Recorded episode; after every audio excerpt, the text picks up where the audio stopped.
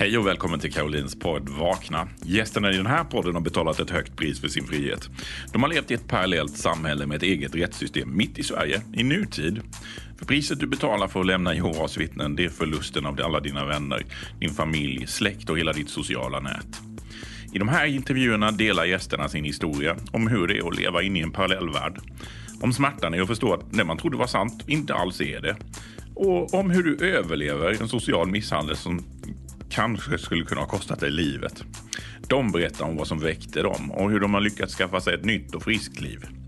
Du som håller på att vakna kommer att känna igen dig. Du som inte hade en aning om företeelsen kommer att förvånas. Det är dags att vakna med Caroline och gäster. Hej och välkommen till ett nytt avsnitt av Vakna med Caroline och gäster. Idag har jag en eh, väldigt speciell gäst på besök för det är en tjej som jag har följt i många år och eh, dotter till min man. Välkommen hit Agnes! Tack så mycket, kul att vara här. Ja, vem är, vem är Agnes utöver att vara min bonusdotter? Ja, eh, jag är en tjej på 24 år som tycker om personlig utveckling och göra det jag tycker är roligt. alltså jag gör mycket eh, go with the flow, jag Ja. jobbar lite då och då. Eh, reser lite och så. Ja, en helt normal 24-åring Ja, som eh, tycker om att träffa människor och eh, ja, ja, leva livet helt enkelt. precis Mm. så, jättebra. Hur har du det idag? Idag hade jag, det väldigt bra. Jag har varit på ett eh, möte, Mm. eh, mitt första business meeting. Det Mm. har varit jättetrevligt. Du började med en ny fas i ditt liv med, med föreläsningar. Precis. Ja, vad föreläser du om? Jag föreläser om eh, personlig utveckling. Eh, lite Love Attraction-stuket. Mm. Och det är väl något av det man får på köpet när man är igenom en resa som du har varit med eh, ny, ny fas i livet. Man går in och rannsakar sig själv. Vad vill man? Varför vill man det? Hur kommer man dit? Och du har ju kommit väldigt långt i din resa och det är jättefint att du delar med dig. Ja. Både på den här men också för andra människor som ju inte är knuten till eh, att man har varit med i en sekt men överhuvudtaget hur kommer man dit man vill i livet? ja, jo men absolut. Det är någonting jag är väldigt eh, passionerad över. Mm. Eh, det här med att komma någon vart i livet. Ja. Och göra det man vill göra. Det är väldigt viktigt. Att Ja, precis. känna sig lycklig med där man är. Ja, för när man är 24 år gammal så kan man ju tänka "Åh, jag måste göra så här som Mm. samhället eller föräldrarrna eller jämngamla gör. Mm. Men du går din egen väg. Absolut. Jättebra. Agnes, du är ju faktiskt ett döpt Jehovas vittne Jajamän. och har aldrig blivit utesluten. Nej. Så det ska bli väldigt intressant att höra, för jag tror det är många av mina lyssnare som har ett önske om att fejda Mm. Därför man kanske som ung vuxen fortfarande vill ha kontakt eller behöver sin familj i livet, sina föräldrar och sina mor och farföräldrar och så vidare. Eh, och kan vara, liksom, ha svårt att veta hur, hur gör man? Mm. Ja. Så du har receptet på hur fejdar man ut, hur får man hela kakan och ha kvar den? Det är egentligen det som du har klarat av. Jo men abs- ja, ja, ungefär så. Ja, så det är ju eh, jättebra för att man kan säga, många väljer att säga nej, jag vill lämna, jag vill utesluta mig. Mm. Och det kan vara det blir så ju för ditt någon gång i framtiden också. Samtidigt kan det också vara väldigt tufft när man är ung vuxen. Stå där helt själv. Absolut. Absolut. Mm. Så berätta Agnes, hur, hur såg din uppväxt ut med Jehovas vittnen? Ja, eh, jag skulle väl säga att den var, ja men som, som en vanlig sekt. Utvecklades inte så mycket, jag fick inte riktigt utstråla mig själv och eh, det viktigaste man egentligen kan göra är att säga hur man känner, hur man mår, vad man behöver och så. Det, det hade jag aldrig någon eh, riktigt så strategi för att göra och jag lärde mig aldrig det och jag kände väl att det var väldigt svårt att vara sig själv så jag var väldigt förtryckt. Eh, och jag blev faktiskt, eh, det, det kom ju till en brytningspunkt då när jag var 16 och det gick helt ut för eh, Det var absolut det värsta jag varit med om i livet. Ehm, och sen började det ju bli lite bättre och då kom vi in på fasen av hur jag tog mig ur det här. Mm. Jag fattade ju inte riktigt varför jag mådde så psykiskt dåligt som jag gjorde förrän bara några år sedan. Mm. Eh, när jag liksom började förstå vad sekten gör med den. Mm. Eh, Men min mamma slängde ut mig, jag hade bara gått på en Tinder-dejt. och då var det liksom, nej du kan inte leva eh, så här om du ska bo hos mig. Och jag var ju helt på autopilot och bara, ja ja ja, Okej, men då lämnar jag. Men då får jag bara höra för att nu, eh, du växte upp med mamma, pappa och Mm. hur många syskon? Eh, två stora s- eh, två s- eh, syskon, två systrar. Ja. Och du är famösa mellanbarnet. Jag är mellanbarnet, ja. Ja. Som eh, inte den stora, inte den lilla, men också både och. Jo men absolut, man Ja. blir ju både och. Ja. absolut. Mm. Och du egentligen, alltså du har ju inte växt upp i en familj med Många av mina gäster och lyssnare har ju haft väldigt tuffa hemförhållanden med misshandel och så vidare. Mm. Och det, jag känner dig ju sedan du var liten, det var en ganska egentligen normal familj Ja. på det sättet. Mm. Eh, och eh, pappa som jobbar och mamma som jobbar från och till. Mm.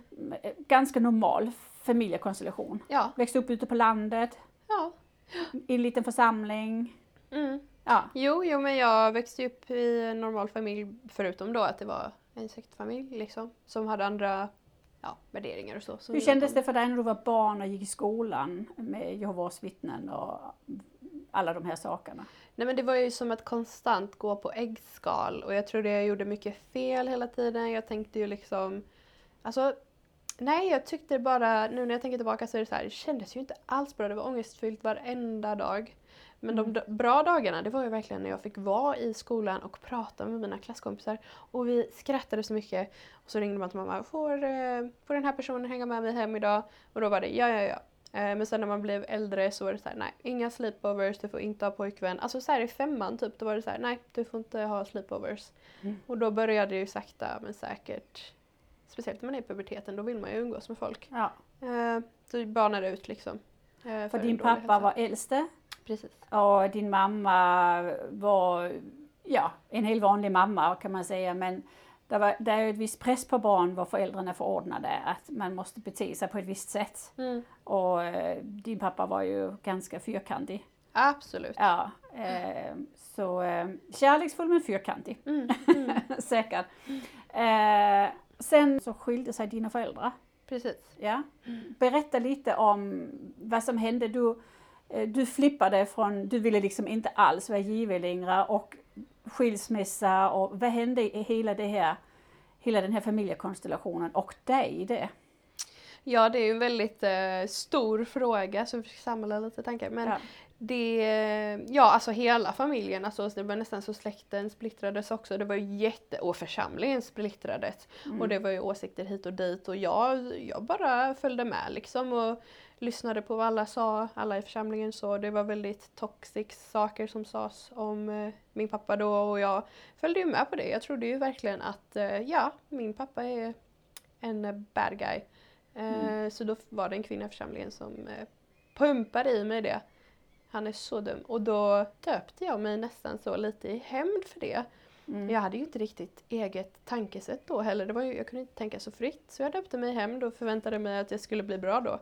Att jag skulle få vänner och nu får jag börja dejta och så vidare. Mm. Eh, Så det är den delen av den historien. Mm. Ja. Mm.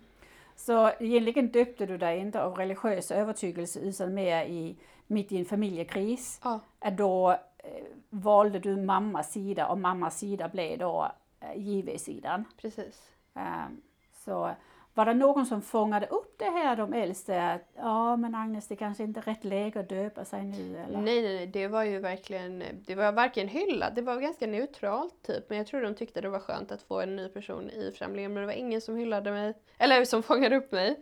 Eh, men jag kommer ihåg att så fort jag döpte mig så ångrade jag mig. Och jag frågade om vi kunde dra tillbaka det. Jag var ju både, alltså det var ju eh, situationer runt omkring med familjen som inte var särskilt eh, logiskt att göra ett sådant beslut i. Och jag var också väldigt eh, sjuk, alltså väldigt deprimerad. Men eh, nej, det gick inte att dra tillbaka. För om man bara tar upp en tidslinje här för lyssnaren så man förstår hur kaotiskt det var. Så eh, 2016 eh, då, eh, då blev du dålig och Mm. nu i efterhand förstår du ju det var eh, de här religiösa ramarna. Men du, du gjorde liksom ett utbrott mot föräldrarna och eh, egentligen så sa du då jag vill inte Jehovas Mm. vittnen men det tog man inte riktigt på allvar. Eh, och sen 2018 eh, på våren skilde sig din mamma och pappa. Och din pappa var samordnare i församlingen. Precis. Så det var ju väldigt, en liten ortsförsamling, så det var ju ganska så upprörande. Ja. Och sen på sommaren 2018, då, så, då döpte du dig. Mm. Så det var mycket inom ett och ett halvt år som hände där. Ja, absolut. Ja. Och du ångrade dig. Absolut, Ja. gjorde jag. Vad sa dina föräldrar till dig när du ångrade dig? Jag vet inte om jag sa det till dem, jag tror jag sa det till de äldste bara. Mm. Eller till mamma eller någon. Och... Ja, nej, jag kommer faktiskt inte ihåg. Men det var ju bara, nej det här går, det här går inte att dra tillbaka. Nej. Nej. Jaha, och vad- då var du 19 när du döpte dig Mm, precis. och gick i skolan och Mm. så. mm. Ja. Och vad, vad hände sen? Du gick i skolan, du hade döpt dig, du ångrade dig Ja, och du jag- bodde med din mamma och dina Precis. syskon. Ja, och jag började ju liksom få lite andra vänner som var mycket mer, alltså, ehm, vad säger man, eh, utvecklande för mig att umgås med i eh, perioden jag var dålig. Då var det jättemycket människor runt omkring mig som faktiskt hjälpte mig, som inte var Jehovas vittnen. Som var mycket mer stöttande i min mentala hälsa. Och kände mycket kompisar i församlingen annars som hjälpte Nej, dig? alltså de, eh, de, de, de, jag var inte alls aktiv i, i sanningen eller vad det är så som man Mm. säger. Så jag var inte så populär. Det är ju ett litet sånt system liksom. Desto mer man presterar desto mer värdefull är man. Så de eh, var inte så intresserade av mig och då drog jag mig till, eh, till mina klasskompisar. Och de var ju otroligt snälla och hämtade mig på morgonen. Nu ska vi åka och äta McDonalds liksom så. För jag var ju väldigt deprimerad. Och då hittade jag ju mer glädje där borta och mycket mer push. Ehm, så, men då tänkte jag, alltså jag hade alltid velat dejta. Jag vill alltid, alltså så, liksom utforska det. Eh, så jag gick på en dejt. helt, eh, liksom helt eh, oskyldigt i en park. Vi satt och åt glass. Så kom jag hem och så berättade jag för mamma "Äh, jag träffade min gamla barndomskompis. Vi gick på, vi tog en fika. Mm. Det var inte så outspoken att det var en dejt men efter ett, tag sen, efter ett tag senare så var det väl så att mamma såg att jag var ute och festade kanske någon gång då och då på nattklubb under tiden jag skulle ta studenten och så såg hon den här dejten också då. Och då var det liksom kallt. Och att eh, du kan inte leva så här om du ska bo här. Och jag bara, ajt, då är jag, då sticker jag. Då sticker jag. Så jag sökte till en eh, folkhögskola för jag blev inte klar med mina gymnasiebetyg på grund Mm. av att jag- av att jag var dålig. Så då fick jag bo på en folkhögskola Ja. och plugga där. Och under tiden där då har du ju då eh, Marcus som är min man som var utesluten. Hur, hur utvecklades eh, din kontakt med din pappa under tiden här? För han var ju då utesluten, din mamma var Jehovas vittne, du var döpt. Stod liksom mitt i mitt, mitten av det här. Ja. Hur, hur, var, hur såg du på den, din uteslutna pappa? Alltså, eh, det var ju först då när mamma slängde ut mig. Alltså jag hade väl inte så mycket tankar på pappa så direkt. Eh, men när jag sen distanserade mig från eh, församlingen och så och fick vara själv, det var den härligaste perioden i mitt liv när jag verkligen fick vara utan mamma och pappa och, och religionen. Eh, sen så hjälpte ju min pappa att, eh, mig att komma in på den här skolan. Ehm, och då började jag vända lite och jag blev arg på alla som hade sagt så mycket dumma grejer för jag insåg att min pappa är en helt vanlig människa och han hjälper mig som är hans dotter liksom. Eh, och jag började ju riktigt eh, rasande liksom. Mm. Ehm, men under ett år så var jag bara för mig själv och det var jätteskönt. Du behövde det. Vad gjorde du under det året? Alltså vad gjorde jag under det året? Jag festade väl, pluggade, alltså jag bara levde. Det var så himla härligt att vara och, utforska det här med relationer och liksom ha vänner och ha ett samhörighet med människor som tänkte på ett helt annat sätt. Mm. Ehm, ja, och det var väldigt bra att jag var där och jag var ganska öppen om det här med JV. Eh, så vi hade faktiskt ett par som smsade mig och frågade om min, som inte jag kände. Som Mm. frågade om min psykiska hälsa och sa liksom, vi, nu måste vi fånga upp det här, typ initierade det. Och då visade jag det för min bästa vän och hon bara, det här är övertramp. Och det fattade inte jag. Så Jag- du menar, mm. det var någon i den lokala församlingen Ja. som började att jaga ner dig? Precis, de kom och knackade på, de hittade mig i idrottssalen. Alltså de, de åkte in från, eh, in från stan ut till landet och ville hitta mig och de tog med sig sina barn och liksom här, liksom så här Ja. nyfött barn och Mm. nu måste vi ta en fika. Eh, kan jag ta ditt nummer? Det var inte en fråga. Det var Nej. liksom, jag tar ditt nummer Ja, så du kände smsar dig. jag dig. Hur kändes det i dig? Ja, det var ju helt panik. Det är ju nästan PTSD. För det kändes ju Idag ser jag det mer som ett försök till kidnappning typ nästan. Ja. Alltså det är klart de inte skulle ta mig och göra något våldsamt Mm. men det är ju verkligen att värva in någon. Mm. Eh, men det, då var jag så otroligt obekväm. Ja. Men min kompis skrev ett sms till de här och sa att det här är övertramp. Eh, genom min telefon och då har det varit tyst sedan dess. Okej. Eh, så jag är jätteglad för alla de här människorna runt omkring mig som inte var Jehovas vittnen som verkligen såg alla de här sociala gränserna som Jehovas vittnen övertrampar. Mm. Mm. För du var i en fas där du skulle lära känna Agnes, Precis. vem du är.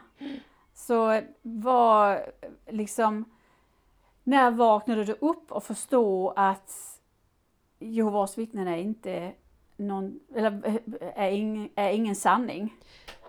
Jag tror nog faktiskt att det var när eh, mamma slängde ut mig. Mm. Det var det. Liksom allt vi, jag har hört sedan jag var liten, alla preachar om eh, unconditional love och jag bara om min mamma gör något sånt här, jag vet hon vill inte göra det egentligen, mamma är en jättefin person och jag tror inte det kommer naturligt för henne att kasta ut mig. Eh, det är ju fel såklart och det är inte alls schysst. Eh, men eh, om, om någon kan stöta bort sitt barn på grund av en religiös, religiös trosuppfattning Ja, då, då är det inte en religion och det är inte kärlek. nej. Nej. Mm. Hur var det med din, eh, du, har, du hade ju då när du blev utslängd, då hade du en äldre syster som bodde hemma Mm. och en yngre syster också. Och din äldre syster, var hon döpt? Ja, det var hon. Hon var döpt. Och vad, liksom hur, vad sa hon om detta här? Jag har inget minne av det. Hade ni nära kontakt med varandra? Alltså kunde du prata förtroligt med henne? Jag kommer faktiskt inte ihåg om hon hade flyttat till sin pojkvän då eller hur det var. Men jag har inget minne runt den tiden för att det var så traumatiskt. Ja. Så, så man kan säga att du har lite ett svart hål där. Ja, det har jag. Ja. Mm. Hur långt sträcker det svarta hål sig? Alltså det är först nu på senaste tid som jag hittar små luckor i min barndom. Små, inte alltid negativa, eh, men från början så var det väldigt mycket negativa grejer jag hittade i min barndom och, så, och, och det här svarta hålet i tonåren. Eh, Men nu känns det bättre. Men jag, alltså jag tror att det har varit svart ganska länge faktiskt. Tror du det är många andra i församlingen som upplever samma som dig? Absolut. Ja, så man trycker ju ner sina känslor som man egentligen har. Det är ju, man kan ju inte ens agera på om det här känns rätt eller fel för mig. Det är ju, hjärtat är ju förrädiskt liksom. Mm. Mm. Eh, och det är det mest, det farligaste eh, i den här situationen tycker jag. Så du känner att du hade inte kontakt med dig själv i uppväxten? Absolut inte. Jag tror det var vissa stunder jag hade det men då gjorde det nästan ont. Då tyckte jag att jag var dum. Liksom jag satt och målade men det var inte liksom, nej men vi ska göra andra grejer nu. Mm. Eh, Hur, hur kändes du med, eh, med tjänsten och, och alla de här andra bitarna? Alltså jag har väl tyckt att det har varit ganska kul och liksom shit alltså jag vågar göra detta och man tänker liksom åh nu räddar jag någon men efter ett tag så kändes det bara onat- onaturligt. Mm. Eh, och det var en stor press och det var ju någonting jag absolut inte ville göra egentligen. Nej. Jag försökte ju med massa grejer men till sist blev jag så rädd för det hände för ofta att jag inte ville följa med. Och då var det liksom, jag vet ju vad det är för konsekvenser på det. det är, du följer inte med till paradiset. Du kommer Mm. dö, du kommer bli straffad. Eh, och du kommer inte få se dina när, närastående. Så det var ju inte i sig mina föräldrar som satte de ho- emotionella hoten på mig utan det var, det var verkligen eh, den strukturen jag levde i, i Ja. församlingen. För det viktiga att förstå det är att det är ju inte alltid föräldrarna som ger de här Harmagedonskräck till barnen utan det är ju eh, organisationen som så när man sitter på möten och hör Mm. föreläsningarna och man ser i, eh, i materialet, ett tryckta material, Ja, eh, vad det kommer väldigt tydligt fram. ja. Men hade du, hade du dödsskräck? Jag tror faktiskt det. Mm. Men efter ett tag så släppte jag det även när jag var i sekten. Liksom. Det var som att jag undermedvetet inte trodde på det. Men det jagade ju mig ändå medvetet. Eh, speciellt efter sammankomster och, och, och stora, fin, eh, de finare föreläsningarna var ju väldigt så här, de var ju emotionellt engagerade i en också. När de har sådana tal som är så, som påverkar en så mycket. Mm. Eh, Men det gick i perioder så här fram och tillbaka. Mm. Eh, Men oftast så var det ju verkligen det var pain in the ass alltså. Men kände du någon gång under upptakten till dopet att mm, är det verkligen det här jag vill? Ja, det gjorde jag säkert. Men jag var så fast vid den ståndpunkten. Det var så mycket, ja det var så mycket skitsnack så jag blev ju helt indoktrinerad. Det var Mm. så otroligt mycket press. Mm. Och jag kände att det fanns liksom inget annat jag skulle kunna göra för att bli lycklig. För att jag ville ju ha vänner och jag ville ju vara lika mycket värd som alla andra. Mm. Mm. Eh, och jag ville dejta också. Mm. Ja, precis. Eh, det är ju en svår tid. Ja. Men jag tror det kan vara någonting man kan tänka på just Ofta så pratar man om uteslutningsordningen och, och, och de tuffa konsekvenserna för den som är utesluten. Mm. Men här är det faktiskt barnen i Ja. familjen som berörs av det. För du var ju inte utesluten men du berördes ju väldigt starkt av det i och med att det blev så uppdelat i församlingen att du har en pappa men din pappa är en hemsk människa för han har lämnat din mamma. Mm. Och det är klart det är ju ett trauma i familjen när det händer men det är klart det blir inte mindre om man sen börjar prata illa om din förälder. Nej, så jag hade ju ingen riktlinje linje i mitt liv överhuvudtaget. Mm. Om det kommer fem stycken kvinnor som är liksom väldigt högt eh, värderade i, ett, i, i, det, i den sociala nätverket jag var i. Det är klart att man litar på dem då, Mm. eh, på allt de säger. Mm. Eh, men det var mycket skam och skräck och det var ja, mycket Det var intressant för du sa ju också innan du var på skolan, det var mycket övertramp på din integritet. Absolut. Och det är ju också ett exempel på det, ett övertramp. Här går man in till en- dotter och säger så här tycker vi om din pappa. Mm. Eh, och det är ju egentligen också ett övertramp på både familjens integritet och din, Ja, återigen där. absolut. eh, att man inte respekterar föräldrarollen och Mm. Att det fortfarande är din pappa. Mm. Mm. Ja, det var inget sånt liksom, han är ju din pappa. Jag hade, det var så många kvinnor som sa att han hade varit elak mot dem och, och jag bara, "Nej, men det här låter ju inte riktigt som min pappa. Nej. Men eh, de ville ju en annan grej för mig och då, då blev det ju lite så. Mm. Det, det, det kanske, för yttre låter det ju kanske så här, oj det låter lite som svagt mindset men att vara en hjärntvätt är helt, Mm. eh, det är en helt annan grej. Måste också tänka på att du var inte vuxen än. Nej. Alltså du var fortfarande mindreårig så Mm. eh, alltså, det är ju inte en 40-årig kvinna det här rör sig om. Det Nej. handlar om en, en ung flicka som fortfarande bor hemma Ja, eh, som blir utsatt för det här presset men Mm. är inte helt utvecklat nej. i, i sina tankeförmågor. Nej absolut inte. Nej. Men hade du några av dina klasskompisar du kunde prata omkring det här? Mm, alltså, de, var ju, alltså, de fattar ju inte riktigt. Eh, de vet ju bara att det är fel så det blir bara no, no, no, det här är helt galet och de bara "Mm, det fattar jag inte.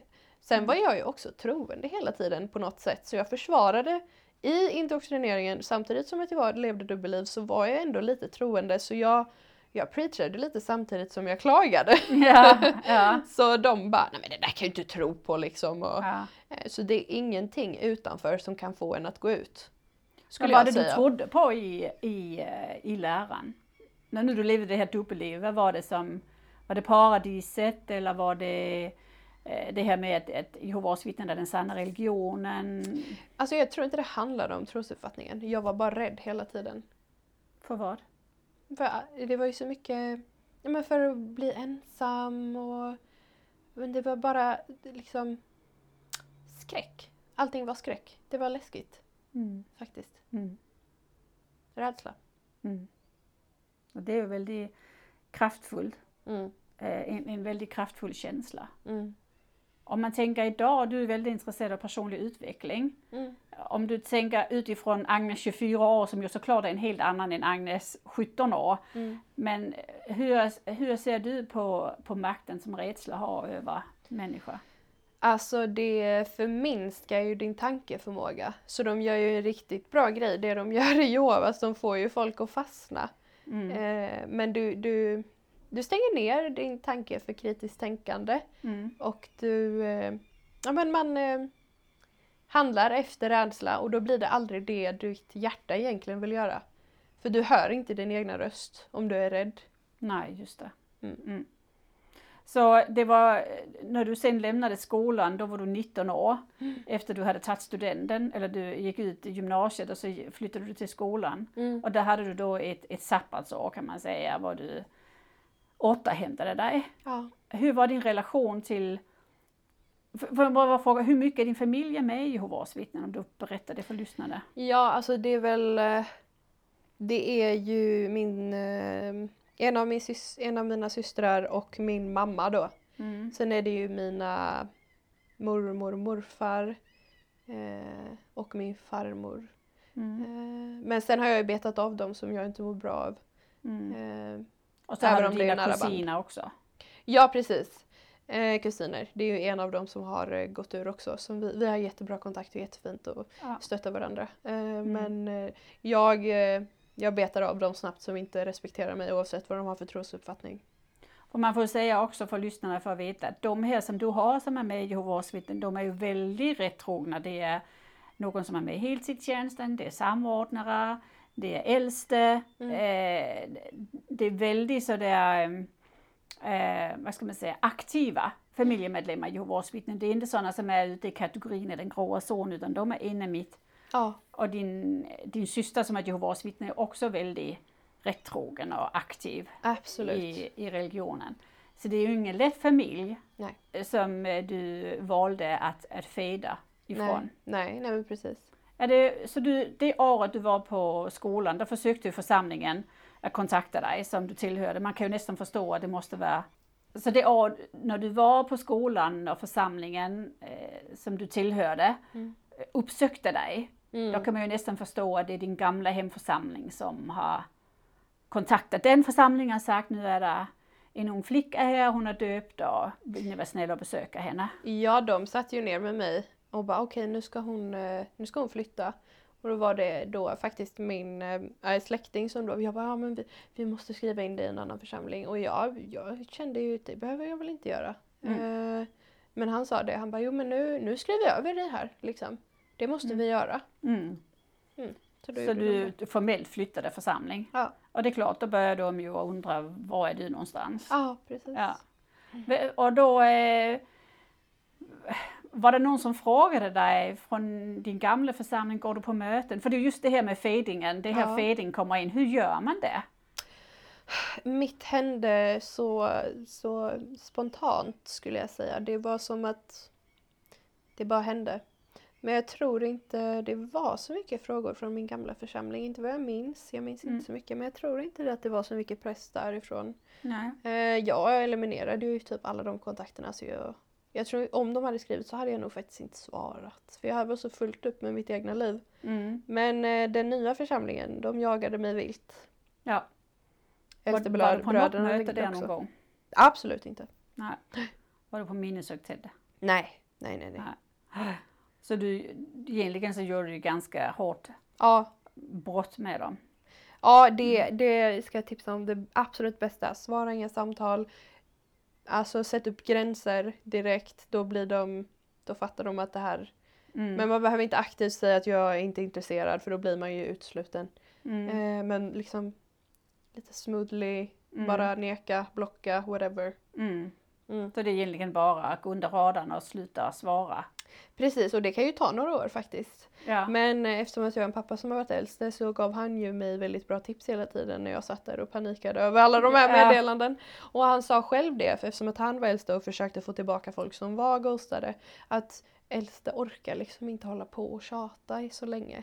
Nej. Eh, Så det är nog bäst. Dess, du, ju mindre du ger desto svårare är det för dem att plocka upp någonting. Mm. Eh, och, till slut orkar man inte för att, Nej. ja, som äldste tydligen. Nej, just det. Mm. Man bara låter det vara.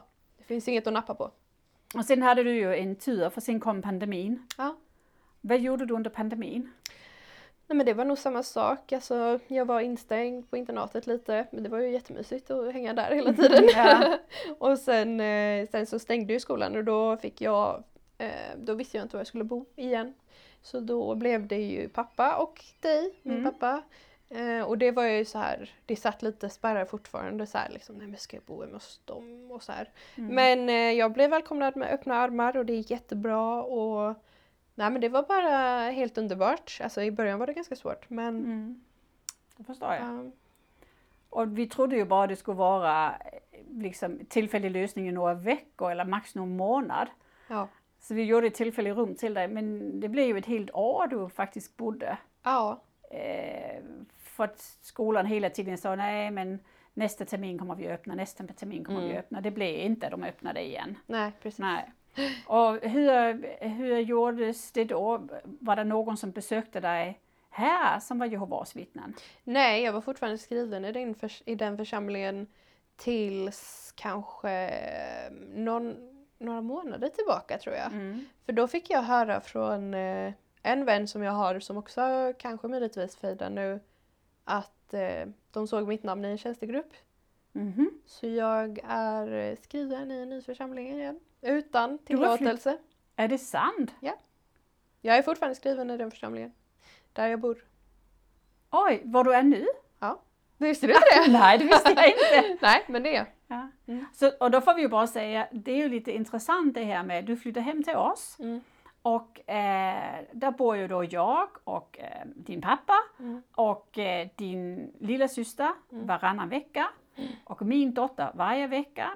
Och, eh, båda mina döttrar varje vecka och min äldsta dotter eh, är döpt Mm. och var ju aktiv i församlingen här. Mm. Så hon hade ju frekvent kontakt med församlingen och, och gick på möten och, och tjänsten. Och du var egentligen döpt men gick inte på möten och din lilla syster gick lite halvt på, på, på det Teams, eller vad heter Zoom-möten. Ja.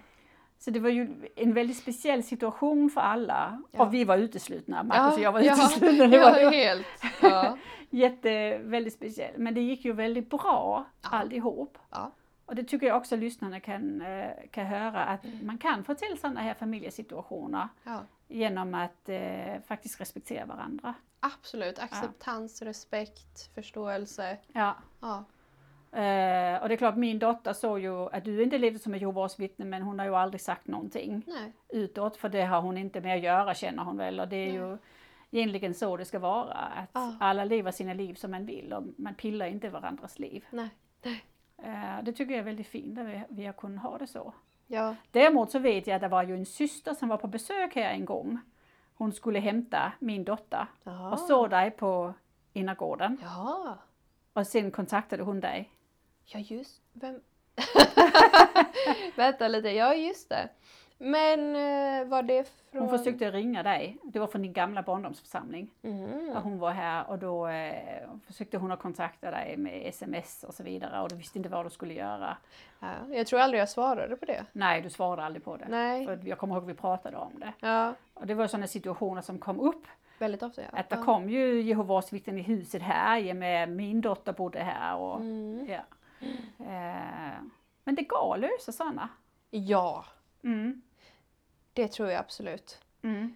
Eh, det bästa med att gå ur är att man behöver inte ha rädslan kvar. Mm. Eh, och det är väldigt viktigt att inse att man inte lever under emotionellt hot längre. Du är faktiskt fri till att göra vad du vill även om det inte känns så.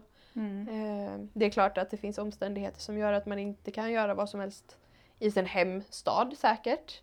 Mm. Om det är folk på gatan som är Jehovas vittnen liksom. Men Men känner, du... Du- en sån, känner du en sån eh, liksom dämpare på ditt liv? Eller vad ska man säga, känner du att du måste, att du inte kan vara öppen med vem du är? nej, inte längre. Men ett par ord, år menar jag, så kände jag att jag inte riktigt kunde göra vad jag ville. Men nu är det ju så här, jag är den viktigaste personen i mitt liv. Mm. Och eh, jag kommer göra det som gör mig glad. Alltså jag tänker inte anpassa mig till någon organisation eller någon Mm. familjemedlem. Alltså det, det viktigaste är ju att jag har det bra. Mm. Eh, och, och jag skulle aldrig dämpa mig själv så mycket som jag gjorde i sekten. Och hur, jag tror ju att de flesta i din nära släkt, både mormor, morfar, farmor och din mamma, förstår att du inte lever som ett Jehovas vittne. Du lever som en helt vanlig Mm. 24-årig kvinna Ja. med de kompisar du har och, och så vidare. Mm. och de relationer du har. Hur, hur ser de på det? Hur är dina relationer till dem? Ja, alltså det var ju min, eh, jag har ett exempel och det var ju min mormor och morfar. Min mamma började smått eh, ta avstånd och jag fattade inte och jag blev jätteledsen och det blev väldigt toxic. Så då gick jag till min mormor och morfar och då hade de ju en, liksom, en ritual där. Eh, Då de sa, ja vi måste ta reda på om det är någonting som rättfärdigar din mammas beslut. Om det är så att du har syndat. Då klippte jag kontakten direkt. Ja, för hur kändes det att skulle sitta och rättvisa ditt liv gentemot din familj? Alltså det var ju PTSD-fils. Alltså Mm. verkligen. Jag, alltså, det är ju de här känslorna av ovärdighet och skam och skuld. Men jag vet ju att jag behöver inte känna det. Men det sitter ju kvar rotat i kroppen sedan eh, barndomen. Eh, men det är bara, alltså jag går efter känslorna. Om jag inte känner mig bekväm, då gittar jag. Eller som man säger, då drar jag. Då, det, Ja. Jag kommer inte stanna kvar där. Nej. Eh, för jag känner att jag har jobbat upp mitt självvärde. Liksom så. Eh, oavsett om det är nära familj eller inte. Jag tolererar liksom inte det. Nej. Och den är jätte, jätteviktig. Mm, Att förstå sitt eget värde. mm, Att det är under sin värdighet att krypa absolut. för att få vara en del av min familj. Eller vad det är. Så eh, har du kontakt med, din, med dem idag? Men nej, nej faktiskt inte. Jag tror det har blivit ett sånt här gemensamt beslut att inte kontakta varandra. Eh, men eh, min mormor skickar ju kanske lite brev då och då. Men de kollar jag ju inte direkt på. Alltså om, hon vill, alltså om det är något personligt så här, skriva liksom. Då läser jag väl det. Men det blir oftast bara en negativ känsla för mig att se massa bibelställen och Mm. jag var älskar dig ändå. Alltså nej, Mm. jag behöver inte det. Nej, Det blir så tokigt. ja precis. Du behöver inte höra att Jehova älskar dig för att det viktigaste är att du älskar dig själv. Ja. Och egentligen kanske jag vet att de älskar dig, att din mormor och morfar Ja. älskar dig. Det vill du ju höra, eller hur? Ja, inte massa varför ska Jehova, varför ska någon annan styra hur de känner för mig? Mm. Alltså det, ja. Så äh, när träffade du dem senast? Det var nog i vintras. Okej. Och då bestämde jag mig för att lägga ner den relationen. Mm. Men du har ju en farmor. Ja. Berätta om din farmor och din Mm. relation där. Hur är den relationen? Den är helt underbar. Eh, jag är ju lite så spirituell så ibland pratar jag lite om eh, medialitet. Eh, men då är det nej, det vill jag inte höra. Och det är ju det är helt fine med mig. Mm. Eh, så, för hon prackar ju inte på sina grejer på mig. Hon försöker Nej. ju inte undervisa mig om sin religion och det tycker jag ju är självklart att man inte gör. Mm. Men för ett Jehovas vittne att vara så pass öppensinnad och eh, faktiskt visar den här kärleken Mm. eh, som de alltid preachat om, alltså unconditional love. Mm. Det, det gör hon. Mm. Eh, så, men hon har säkert svårt med det, men det får hon ju. Det är ju hennes egna beslut liksom och hon får känna hur hon vill. Eh, men ja, vi har jättebra relation. Ja, Mm. och det är jättefint att du för henne bara kan vara ett barnbarn. Ja, det är så härligt. Och hon tar ju det som självklarhet. Hon säger det varje gång. Ja, men det, jag skulle aldrig kunna göra något sånt. Nej. Hon tycker inte det är rimligt. Nej. Och det är guld värt och det är bra- jättebra att veta att det finns fortfarande människor som har kvar hjärtat liksom. Precis, att, eh, och det kan också vara viktigt för någon att förstå att även om du fejdar eller blir utesluten så finns det faktiskt många familjemedlemmar som inte kuttar Ja, relationen. För hon har ju inte kuttat relationen till din pappa heller. nej. Utan det är en helt fri och öppen relation som vi har med henne. Ja. Och det är jätteviktigt att förstå. Ja, För att man, man hålls kvar i, har man slutat tro och man är kvar för att man är är rädd att förlora sin familj. mm. Det behöver inte vara så. nej. Varken man är fejta eller man blir utesluten. Ja, och sen skulle jag väl säga också att det är inte så farligt att stänga dörrar till sin familj. Eh, för att du släpper in nya människor och det finns otroligt många fina människor i världen som skulle kunna fylla dina behov så mycket mer som du verkligen kan uppskatta. Eh, så det här med blod och liksom blood is thi- thicker than water. Ja. Nej, alltså det är väldigt sorgligt att säga det. Mm. Men du kommer hitta så mycket fler värdefulla connections. Och om du hela tiden står och trampar i vatten och försöker få en relation att fungera, för du, du, har inte öpp- du kan inte öppna för andra nya finare relationer då. Nej. Och det är så mycket finare på andra sidan. Ja. Det är så, så himla härligt. ja, Mm. precis. Så det behöver inte betyda att, att man inte älskar sin familj. Nej. Men du älskar säkert fortfarande din mormor och morfar och Ja. så vidare. Men det är bara eh, andra relationer som kanske fyller på i ditt liv nu. Ja. Ehm, hur, hur, hur känner du inför religionen idag? Eh, Du på Jehovas vittnen? Alltså jag skrattar ju lite åt det för jag tycker det är så tokigt. Mm. Det är lite blandade känslor. Först blir man lite skräckslagen och så tycker man synd om de som är där och sen gör man det inte. Mm. Jag vill ju, och så ett tag ville jag inte ens höra någonting om det för att det var så traumatiskt liksom. Mm. Men nu är det så här bara, nej, vad är detta? Ehm, men jag, jag, jag försöker hålla mig neutral för jag vet att det hjälper inte att vara arg på någonting också.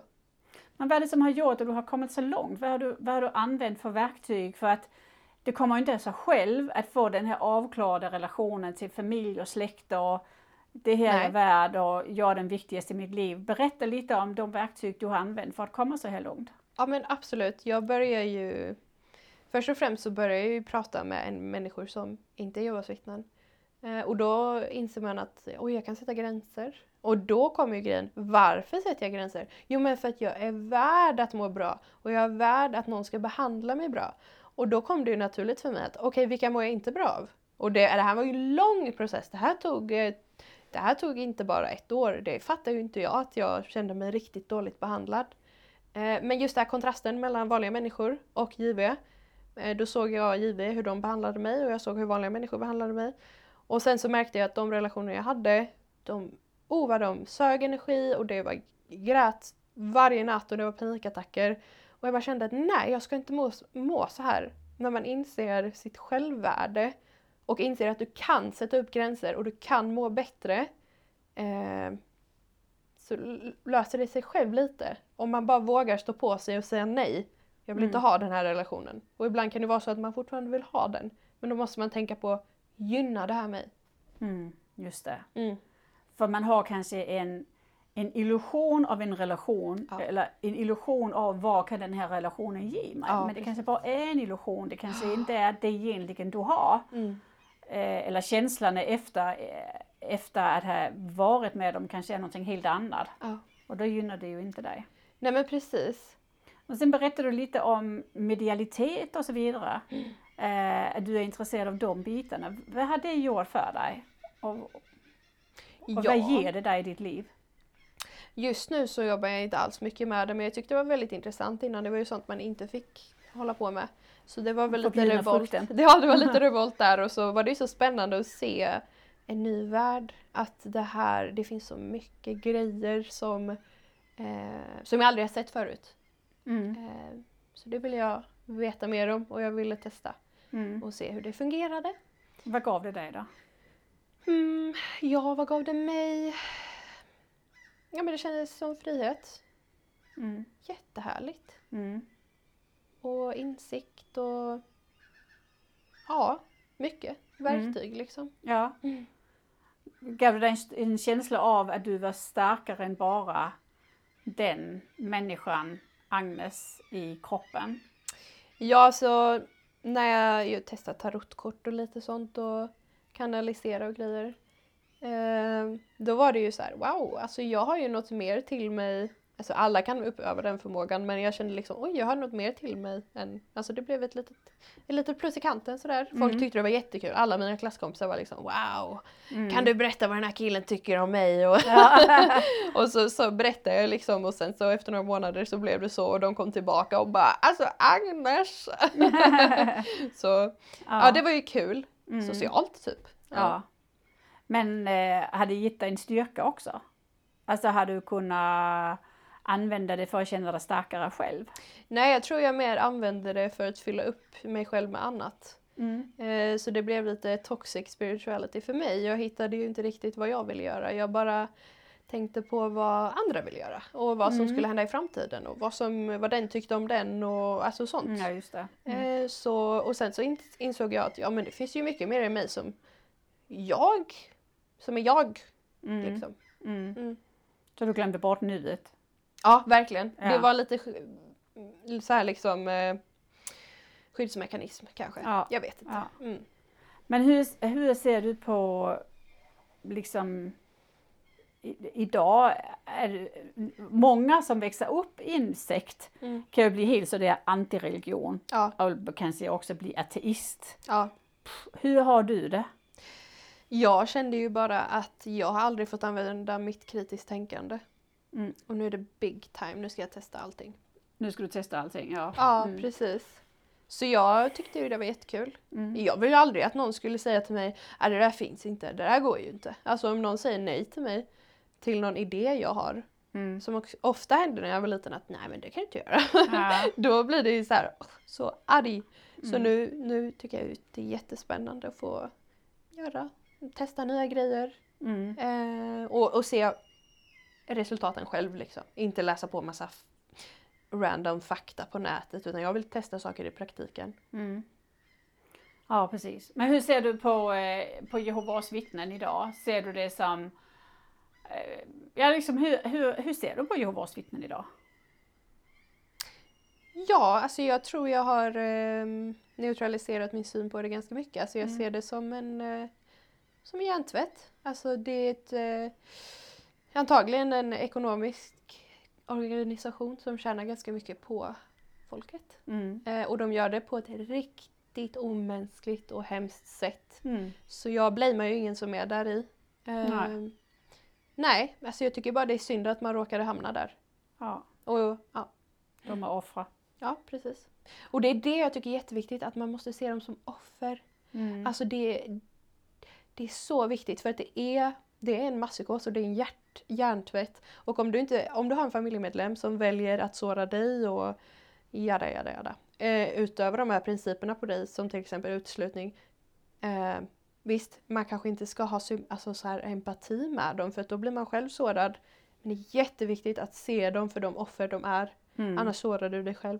Mm. Eh, men det är ju jättesvårt i nära familjerelationer. Men då skulle jag bara säga att klippa de relationerna. För att då öppnas det mer, eh, då kan du, ja, då blir du inte lika sårad. Eh, man Nej. såras jättemycket av att vara i en sån relation. Mm. Eh, Mm. Ty- Tycker du att myndigheterna har en skyldighet mot alltså, att titta in på en sån här organisation? Absolut. Ja. Absolut, absolut, absolut. Eh, jag tycker ju det här med foster care och sånt är väldigt hemskt. Eh, och det verkar ju inte riktigt som att det funkar på alla ställen. Eh, men det hade varit jättebra om man kunde plocka ur barnen ur sådana familjer faktiskt. Mm. Eh, det var ju det jag ville liksom. Eh, från första början men det blev ju något annat. Mm. Eh, nej, det, nej. Det, Mm. det ska absolut finnas mer hjälp för offer till sekter. Hur tycker du man ska gå tillväga då? Har du liksom, det skolan eller hur tänker du? Ja, absolut i skolan. Eh, Men just nu så gör de ju inga så här, vad man kan se, fysiska fel i organisationen förutom att det är psykisk misshandel. Eh, Men det finns liksom ingenting riktigt man kan ta på det sådär. Men jag tycker bara att det behövs mer allmän kunskap om sekten. För att jag tror inte många fattar att det är en sekt. Nej, För att de går ju ut med att de är en religion. Och de är Mm. väldigt etablerade också. Nu har ju SVT gjort en ganska bra drive både förra året och med repris i år. Ja. Eh, vilket är jättebra. Det är demonstrationer i samband med sammankomsterna Mm. som, eh, som ju arrangeras. Så det är ju en del uppmärksamhet omkring det eh, och vi får hoppas att det fortsätter med den här offentliga uppmärksamheten var man tar ögonen på sekter Ja, och hur, hur det drabbar barnen. ja, det, ja. Hur ser du på Jehovas vittnen och barnkonventionen? Nej, jag tycker de är lite mesiga. Jag, tror, jag tycker att de ska jobba hårdare i det, gå in och investigera liksom vad Mm. det är som händer. Mm. Jag tycker inte alls att eh, barnkonventionen liksom fyller upp de kraven som de säger. Alltså, Mm. eh, så jag tycker att det borde vara lite mer striktare där. Mm. Eh, och att de faktiskt gör det de säger. Mm. Eh, vi, det står ju liksom i Sveriges lag eller så, nu är inte jag jätteinsatt i politik, men alla ska ha fri ehm, religiös frihet. Ja, Som barn det. så har man eh, eh, ja, möjlighet att tro på vad man vill. Men så är det ju faktiskt inte om man växer upp som ett Jehovas vittne. Då är det, Nej. Nej. Du har heller inte rätt att välja din sexualitet som du vill. nej. Eh, vilket ju är väldigt stort när man är tonåring. Mm. Att, eh, att utforska vem, vem är man. Eh, och, mm, så, men samkönade relationer är ju inte accepterade i Jehovas vittnen. nej. Nej. Så hur, hur, hur ser du nu framöver? Hur känns det för dig om församlingen kontaktar dig och du om du skulle råka bli utesluten idag? Hur känns det? Jag har ju tänkt på det här ganska mycket fram och tillbaka och jag ville ju skriva ur mig i vintras. Mm. Eh, men då var det ur aggression så jag valde att inte göra det. Mm. Jag hade en liten jobbig situation där. Eh, men jag valde inte att göra det för jag vet att det var på grund av mitt emotionella tillstånd och då Mm. kanske man ångrar sig. Men eh, i nuläget så skulle jag nog eh, Ja man vet ju aldrig hur det känns, det är det. Man vet aldrig hur det kommer kännas. Men i nuläget tror jag inte att det hade gjort så mycket faktiskt. För att jag har inga eh, Jehovas nära mig. Och jag vill inte ha det heller. Nej. Och jag tror det är det som är så viktigt. Ha inte dem nära dig. Nej. För att du skadar dig själv. Ja. Eh, det är någonting jag eh, verkligen uppmanar till. Alltså, man förstår ju att det blir jobbigt med familjen. Men för guds skull, skaffa nya connections. Mm. Det är Mm. tusen gånger mer värt. Och sen kan det ju vara att, att det inte är så att hela familjen överger dig. Absolut. Som jag säger för, min, för mitt vidkommande, då har jag ju min ena syster och hennes man Mm. och barn som ju absolut inte har skurit banden med Nej. mig utan närmare vi har blivit mycket tajtare efter jag har lämnat Jehovas vittnen. Precis. Eh, och har öppna samtal om hur jag tänker och känner inför Jehovas vittnen. De har ju också valt lite att eh, distansera sig och det är ju jättehärligt att det hände på samma gång nästan. Ja. Och att du höll ut lite. Ja. Så det är jätte, jättefint exempel. Eh, det väcker ju andra även om man själv blir väckt. Precis, det är väldigt lätt att man är, det blir som om man, man håller varandra i Jehovas vittnen för man är rädd att lämna och man är rädd att vara själv. Ja. Men i det ögonblick man vågar följa, det här det känner jag, jag Mm. vill inte vara kvar i det. Antingen om man fejdar som dig eller blir utesluten. Mm. Och då får man ju prova de här relationerna och se. Ja. Och, och så kanske känna att de som kommer, de kommer och Mm. de som inte är där, nej men då är det så. Då Ja. är kanske tiden över. Ja. För att ha en nära kontakt med varandra. Mm. Mm. A och O är ju verkligen boundaries. Om Mm. man känner så här liksom Mm. att man blir dåligt behandlad. Då, Jag tror det är många som inte tänker på att även de som inte har döpt sig kan Mm. också känna ett tvång. Ja. Eh, för jag vet du hade en kompis för något år sedan som eh, inte var döpt Mm. men ändå inte vågade att leva ett transparent liv mot sin, han var vuxen Mm. och inte vågade leva ett transparent liv. Ja. Så eh, Ja, jag, jag vet. Eh, man vill ju verkligen uppmana till att våga vara sig själv och sätta, säga så det här vill jag, eh, Mm. mamma och pappa. Eller, och det är bra, eh, det, det ska man alltid göra tycker jag. Att eh, vara transparent och säga att så här är det. mm, Eh, och, inte, och inte liksom försöka att eh, gömma det. Eller, det är alltid värt att försöka. mm, Det, det tycker jag är det första steget som du säger. mm, Och sen om det är så att man blir dåligt behandlad, då klipper man liksom. Mm. Men, eh, men det, det är inte alla familjer som är så eh, strikta. Nej det, Det, är det, det faktiskt inte. Men det är väldigt talande att den här eh, grupp av unga människor som har växt upp med det Mm. eh, och de alltid tar steget att döpa sig Mm. men de lever inte heller som vittnen fast de går på möten och kanske i tjänsten lite då och då för de vill inte helt stå upp för vad de tror. Det är en sån limbogrupp Ja, som faktiskt finns i Jehovas vittnen. Mm. De här ungdomarna som är lite, ja, de har inte döpt sig än och så har de någon stödstudie här, någon stödstudie där och så vidare. Mm. att de har växt upp med att inte våga säga så här vill jag leva mitt liv. För antagligen kan, tycker jag, och de flesta skulle kunna förstå om du är eh, liksom, om du inte är tonåring mer eh, och du fortfarande inte är döpt Mm. Och du kanske lever ditt eget liv och har en egen lägenhet, du fortfarande inte tar steget att bli döpt, men då kanske inte personen vill leva som ett Jehovas vittne. Nej, nej men precis. Men fortfarande vågar den personen inte säga det. Och jag Nej. tror det finns en stor grupp av sådana. Ja, absolut. Mm. Där har jag några tips. Om du flyttar hemifrån, bara häng med, med nya människor. Mm. Testa något nytt. Du behöver inte ta med dig JV hem till din nya lägenhet. Det är Nej. jättebra bryt. Ja. Mm. Är För om någon lyssnar liksom, Mm. som känner. Ja, precis. Både, och man kanske till och med vågar flytta till en annan ort. Ja, och det då är är det ju ännu lättare. Absolut. Om man får ett nytt jobb i en ny ort. Så det är Ja, lättare. och man ska inte vara så rädd för att man inte hittar vänner. Och man eh, kanske är så här liksom, även om man inte tror på det så kontaktar man den nya församlingen. Mm. Eller någon eh, så, börjar umgås där. Mm. Men eh, det, man får jättelätt nya vänner om Mm. man eh, aktivt söker det. Det Så man behöver inte alltid... kompisar. Alltså jag har ju haft lite tur eftersom att jag bodde på en skola. Mm. Eh, och, och det har ju mest varit genom jobb och det har varit genom skola och um, ja, Sen gjorde du någonting väldigt häftigt här i sommar. Du reste själv på semester. ja precis. Ja, berätta om det. Ja det var så härligt. Jag kände mig lite stagnant.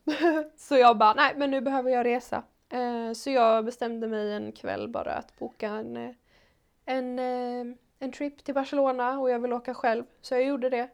Och jag var ju lite rädd när jag var där nere att åh nej jag kommer inte ha någon att umgås med så det var ju upp med massa annonser. Men jag hittade ju jättemycket människor att umgås med. Mm. Alltså all, jag sökte efter hostel där man traveled alone liksom. Ja. Och det var ju, alla var ju på samma plan, alla reste själva och då var det jättelätt att snacka med människor. Alla hade så mycket roligt att säga, alla var positiva och nej, men det var bara jättehärligt.